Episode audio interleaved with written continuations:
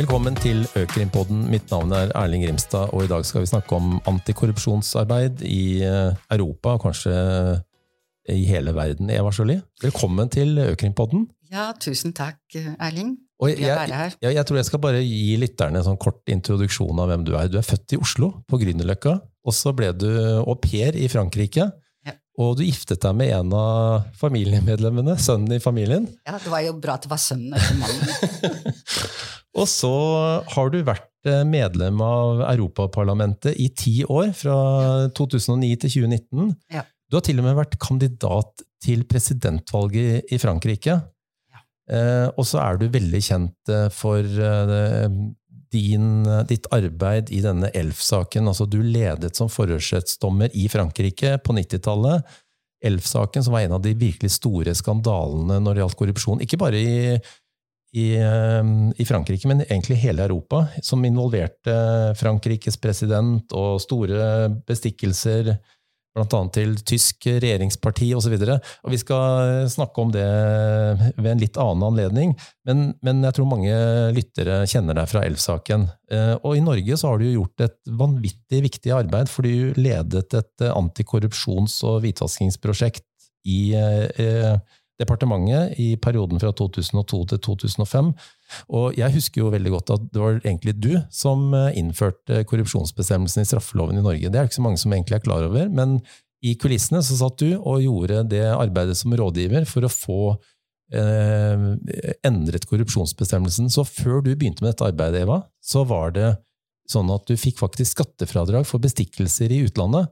Men etter at eh, disse reglene ble innført, så ble det helt nytt regime og helt nye spilleregler. Du er forfatter, du har skrevet mange bøker. Jeg tror jeg har lest nesten alle bøkene du har skrevet. Det er utrolig spennende å lese. Du er en samfunnsdebattant. Eh, mange kjenner deg for veldig eh, sterke og tydelige meninger. Du har hatt liksom de samme meningene som en rød tråd i hele din karriere. Du har fått mange priser. Du har fått likestillingspris, du har vært æresdoktor, du har fått humanistprisen, du har fått Sofieprisen. Du har blitt årets europeer. Eh, og så er det noen som, eh, som har fulgt med deg og sett på dokumentarprogram om deg, og sett at eh, det har nok vært ganske tøft i perioder, for du har også vært utsatt for trusler, eh, overvåkning, og du har vært utsatt for baksnakkelse og ganske ubehagelige ting. Så det, det, var bare den korte introduksjonen, eh, Eva, men det tok jo litt tid, det, det å komme dit. Bare si med en gang at innførelsen av antikorrupsjonsbestemmelsene de resulterte av internasjonale eh, konvensjoner som Norge hadde, hadde innført. Det var, det var modent i tiden. Men det prosjektet som jeg da ledet, men sammen med veldig flinke eh, norske jurister, som Anne Mette mm. Dynes, for eksempel, ja. eh, det, var, det, var, fryktelig morsomt. Og eh, vi, vi, tenkte jo da at vi måtte ha Økokrim-avsnitt i alle politidistrikter, eksempel. Mm. Så det var en veldig morsom periode. Vi laget en handlingsplan mot økonomisk kriminalitet mm. som jeg tror ble anvendt, og som forandret synet på økonomisk kriminalitet i politidistriktene og i Norge. Fordi det som slo meg veldig mye når jeg kom til Norge i 2002, var jo at nordmenn var overbevist om at i Norge så fantes det ikke økonomisk kriminalitet. Man hadde ikke mm. korrupsjon.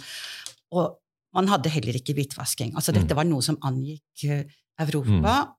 Frankrike, Afrika, men ikke Norge.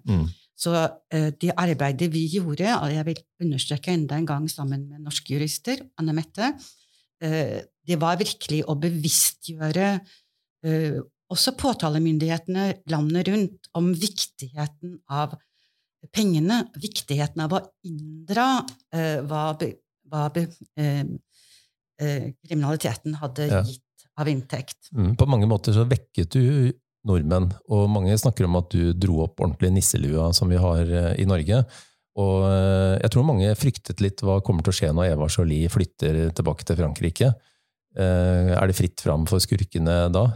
Og jeg tenkte vi skulle snakke litt om hvordan går det med korrupsjonsarbeidet i Europa. Og vi ja. følger jo veldig godt med på Transparency Internationals Perception Index. Index ja. Eh, og den sier jo litt om at eh, det er trøbbel på toppen. Det er liksom siste overskriften nå. Det er ja. Eh, større innslag av politisk korrupsjon i. Europa og andre steder i verden. Det er en sam, en, det, er, det, er, sammenfall mellom eh, eh, brudd på menneskerettigheter og korrupsjonsrisikoen. Det er større det innslag av Det har vi alltid tenkt, ikke sant? Ja. At, at, stor korrupsjon det, det, er brudd på menneskerettighetene fordi man fratar borgerne muligheter til å få offentlig equipment, altså mm. sykehus f.eks. Mm. Så det, det, er helt sikkert. Men for å svare på spørsmålet ditt, hvordan ja. går det? Så er det jeg har observert eh, både nå som advokat i, i, Frankrike og som politiker. For jeg ledet faktisk både utviklingskomiteen i fem år, og jeg satt som nestleder i um, tax-komiteen, hvor vi så på uh, skatteunndragelser og uh, all den kriminaliteten som ligger i det. Det er at uh, vi har ikke vunnet denne kampen. Og jeg tror også soldatene i denne ja. krigen er blitt færre. Mm. Og uh, her har vi noen veldig tydelige eksempler på, på, hva som skjer. Italia var jo i, i the forefront. Vi alle husker Manu Politi. Alle husker uh, hvor flinke påtalemyndighetene i Milano var. Og at de fikk, de fikk dommer, dommer, de oppnådde dommer, altså, og de ble håndhevet. Og eh, hva jeg også må fortelle, er at Norad finansierer eh, et nettverk av påtalemyndigheter fra eh, bistandsland, men for at det skal være effektivt, så har vi også uh, påtalemyndigheter fra europeiske land. Og vi har altså en representant fra Italia, som vi har en fra Sverige og en fra Norge og, og, fra mange andre land. slik at på en måte så har jeg en oversikt eh, derifra. Og det som skjer i Italia, er veldig typisk, så jeg har lyst til å fortelle. Ja. Eh, det er Fabio de Pasquale, som altså har ledet etterforskning i 30 år nå, og som har oppnådd dommer mot Berlusconi. Eh, han har en stor Eh, korrupsjonssak mot eh, det statseide italienske oljeselskapet Eni, eh, hvor de er beskyldt for å ha bestikket, men på høyde med én milliard dollar, public officials i Nigeria. Mm. Og han har samarbeidet med nigerianske påtalemyndigheter, som i Norge har hjulpet til å bygge opp Mm. Og alle husker uh, kanskje det. Uh, vi hadde veldig flinke menn mm. der som vi støttet. Mm. Uh, flere er blitt drept i Nigeria ja. for, å, for, å, etterforske denne saken. Han har kjørt den for retten. Kjempegod bevis. Altså det, det, var ikke noe tvil om at lederne i ENI burde blitt dømt. Men de ble mot alle odds frikjent. Og eh, Fabio hadde bevis på at det hadde vært kontakter mellom Enis advokat og dommeren, og at han hadde fått tilsagn i forkant om at de ikke kom til å bli dømt. Eh, men hva som skjer nå, er det vi kaller for lawfare. Man går løs på påtalemyndighetene. Eh, og han har nå en rettssak mot seg disse dager, eh, hvor man påstår at han ikke har uh, tatt, tatt, imot bevis som skulle gå i uskyldsretningen, hvilket er totalt feil. Altså, disse bevisene ligger i saken. Men det var nok til å ta ham av saken. Og når du tar en mann av saken som har holdt på med den i årevis, og setter opp en ny politiadvokat som akkurat starter karrieren sin, så er utfallet ganske, ganske klart.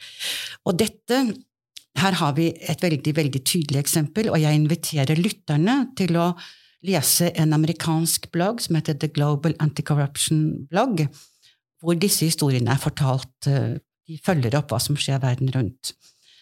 Og det som, dette er litt karikaturalt. Det betyr ikke sant, at eh, myndighetene eh, i Europa, i Sverige, kanskje i Norge, helt sikkert i Italia og helt sikkert i Frankrike, Myndighetene vil ikke lenger at verken toppledere, politikere eller de nasjonale selskapene skal utsettes for rettssaker.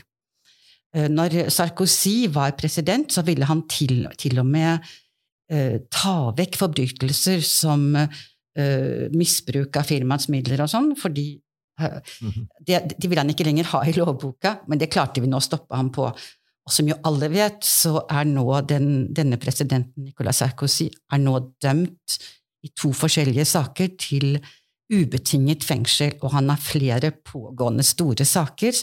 Han har anket disse dommene, men det sier jo også noe om hvilket nivå korrupsjonen er på. Eh, og her ser vi ikke sant, at når du er eh, ledende politiker, og det er din regjering som bestemmer hvordan lovverket skal håndheves, det er du som bestemmer hvem som skal oppnevnes i Økokrim, og du selv har svin på skogen, så er det veldig fristende både å intervenere, men det er også veldig fristende å agere på regelnivået for det gjør det vanskeligere uh, å, etterforske, vanskeligere å oppnå en dom. Og det har, vil jeg påstå, franske presidenter forsøkt uh, hver sin tur.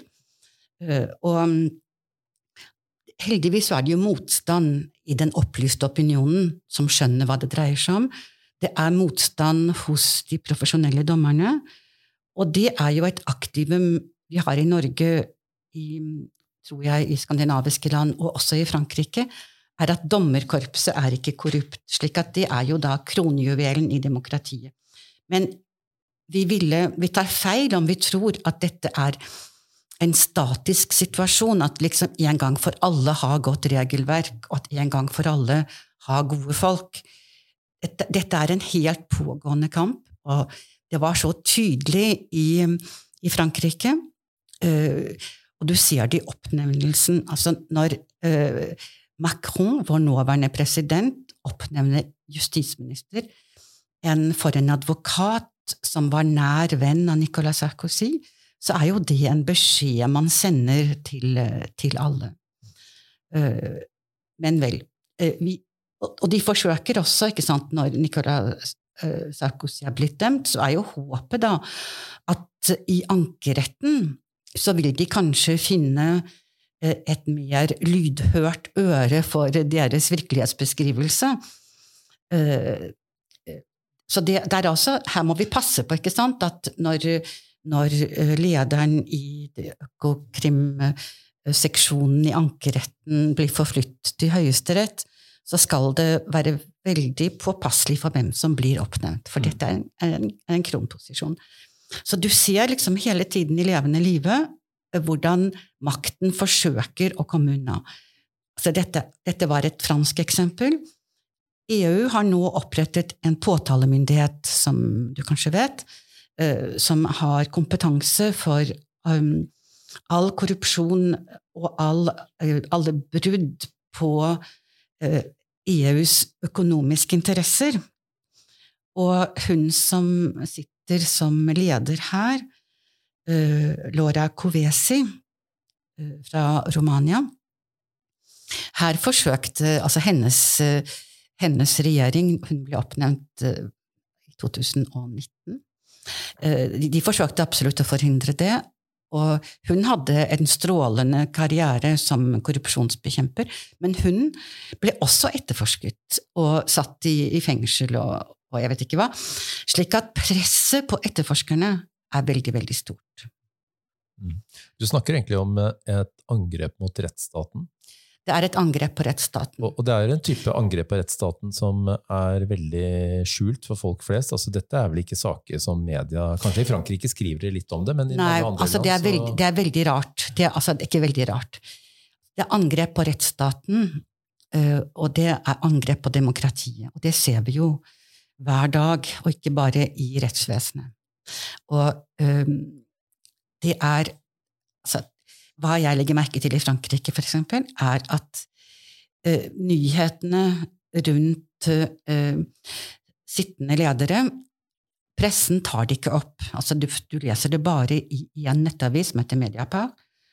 Uh, og som jo også da blir en sible, også blir en skyteskive for, for angrep.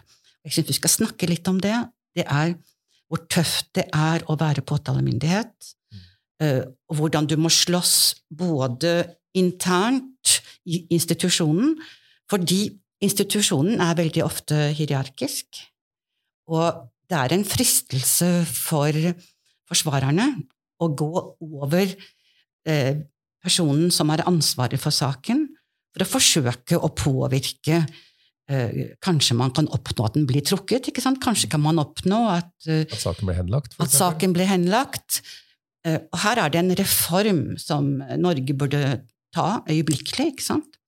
som jeg syns er en leksjon etter Transocean-saken, eksempel.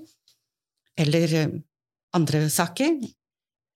Det skulle være forbudt å trekke i en tiltale eller en anke som en statsadvokat har tatt ut. Det skal ingen andre kunne gjøre, det er bare retten som skal kunne si at dette var feil. Det skal ikke en overordnet myndighet si. Det er veldig farlig. Og det er man ikke klar over i Norge, fordi vi har så stor tillit, ikke sant? Men om du ser på Kenya, som har samme strukturen, altså også har en sentral påtalemyndighet, så gjør jo ofte Økokrim en veldig god jobb. Eh, men om ikke eh, øvre påtalemyndighet er enig, så blir ikke saken ført.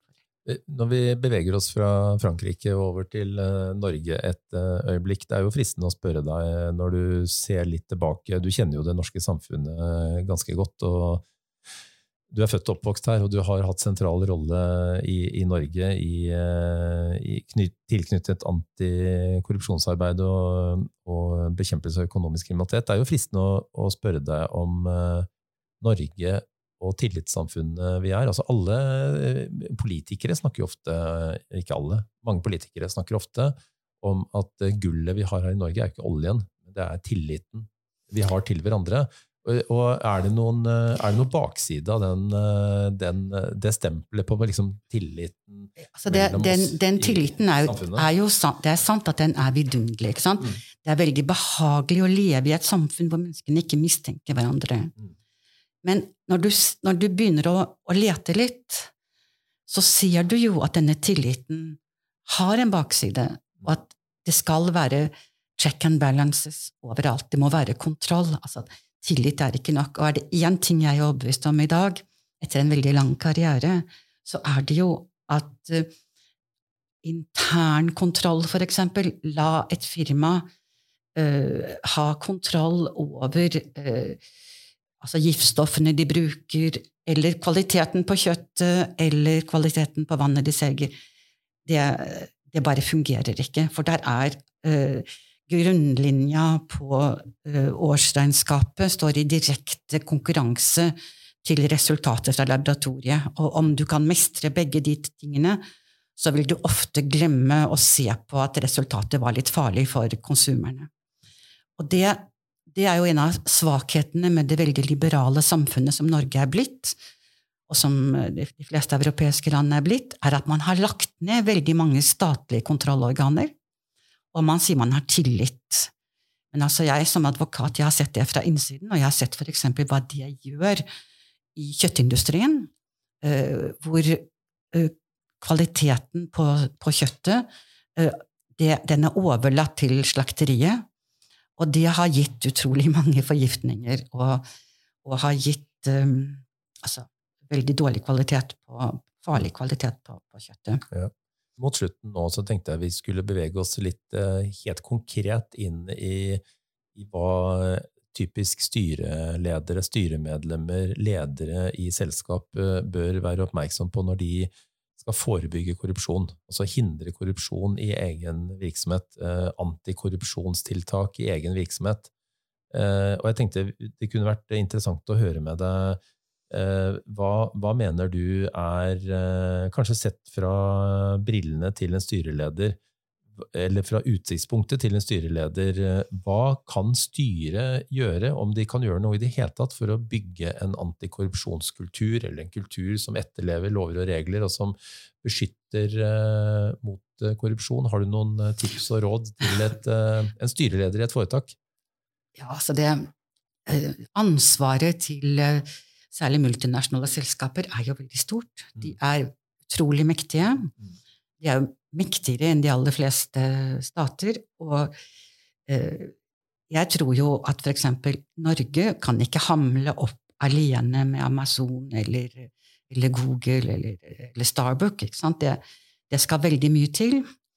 Eh, og eh, EU er jo da det riktige nivået for å, å, å, ordne ut her.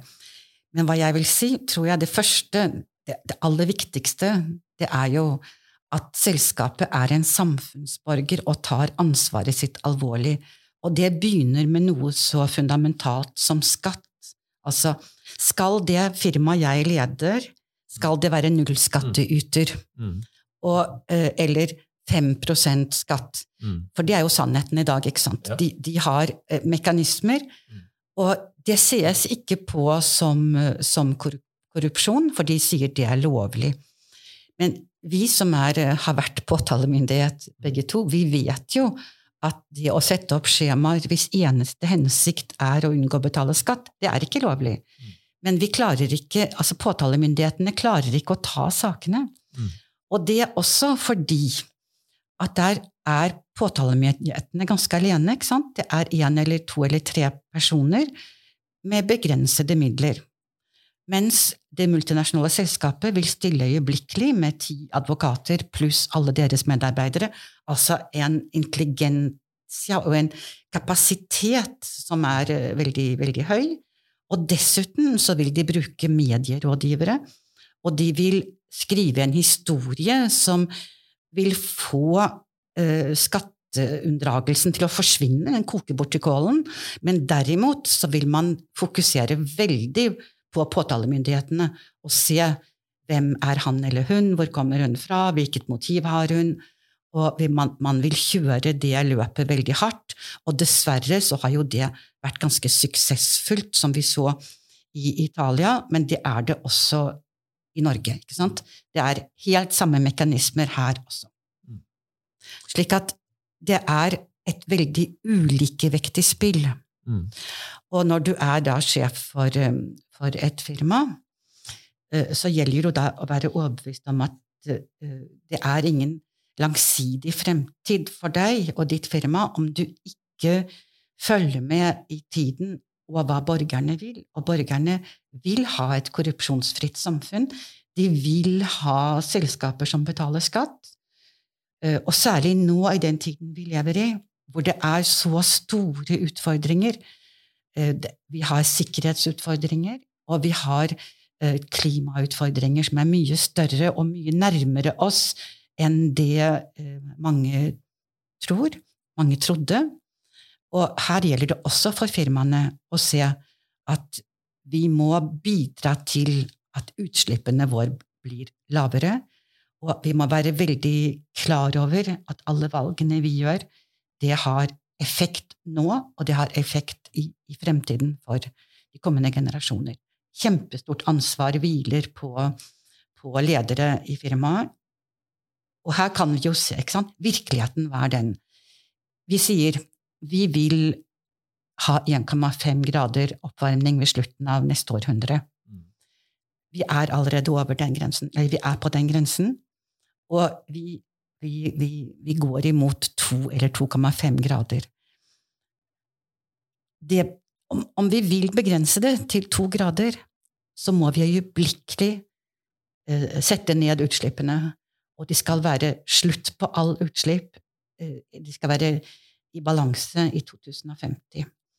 Um, men når du ser på regnskapene til Equinor eller til Shell eller til Total, eller til eh, australske kullselskaper, så har de stor verdi på sin oljebeholdning eller kullbeholdning. De har ikke skrevet ned denne verdien. De kan ikke selge den, for selger de den, så, stiger gradene med, med 11. Da blir vi pluss 11 grader om vi brenner alt. Det vet vi i dag. Og vi vet at om vi bare får pluss to grader, så er det 70 80% av verdens befolkning som ikke lenger kan leve der de lever. Fordi de, altså, grensen for hva menneskene tåler, er mye lavere enn de fleste tror. Den er faktisk på bare 35 grader når det er 100% fuktighet. Så hele store deler av India, av Kina, og Latin-Amerika Om vi fortsetter å brenne, om vi fortsetter å utvinne, Og dette gjelder ikke sant? Dette er også korrupsjon for meg. Ikke sant? Jeg, korrupsjon er ikke bare konvolutter. Det er også å ta inn over seg at for at jeg skal tjene penger, uh, så, så, skal vi begynne med nye oljefelt, ikke sant? fordi da får jeg bonusordninger, jeg vet ikke hva. Så driter vi i hva som skjer med menneskeheten. Og det at vi tar inn over oss at dette er virkelighet, det er en plikt. Det er en plikt. Mm. Og her er det veldig mye korrupsjon ute og går. Og hva du ser, er jo multinasjonale selskaper selger fosfat med tungmetaller i, som gir uh, folk som spiser poteter, kreft. Fordi poteter absorberer veldig mye, og de har 25 behandlingsrunder før de blir høstet. Og man kunne fjerne tungmetallene. Man vet det. Altså, det koster 12 øre tonnet, men man betaler ikke de 12 ørene fordi du vil tjene de 12 ørene selv. Og så er det ikke så farlig om antall krefttilfeller går opp. Slik at alt dette, hva jeg vil si, er at styret har en plikt til å være oppdatert. Være oppdatert på hva som foregår.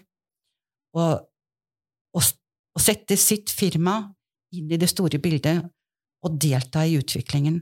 Og jeg syns kanskje det aller verste er å tenke at din eneste plikt er å tjene maksimalt. Så de eh, klimaflyktningene vi kommer til å se om 5-10-15 år, det sporer du direkte tilbake til styrets ansvar eh, ja. og kobler det mot antikorrupsjon. Det tror jeg mange lyttere syns det er interessant. Jeg, jeg, vil gjerne takke deg, Eva Jolie, fordi at du kom til studio og delte dine tanker om uh, antikorrupsjon, og ønsker deg lykke til videre i ditt viktige arbeid som advokat i Paris. Takk for at du kom. Tusen takk.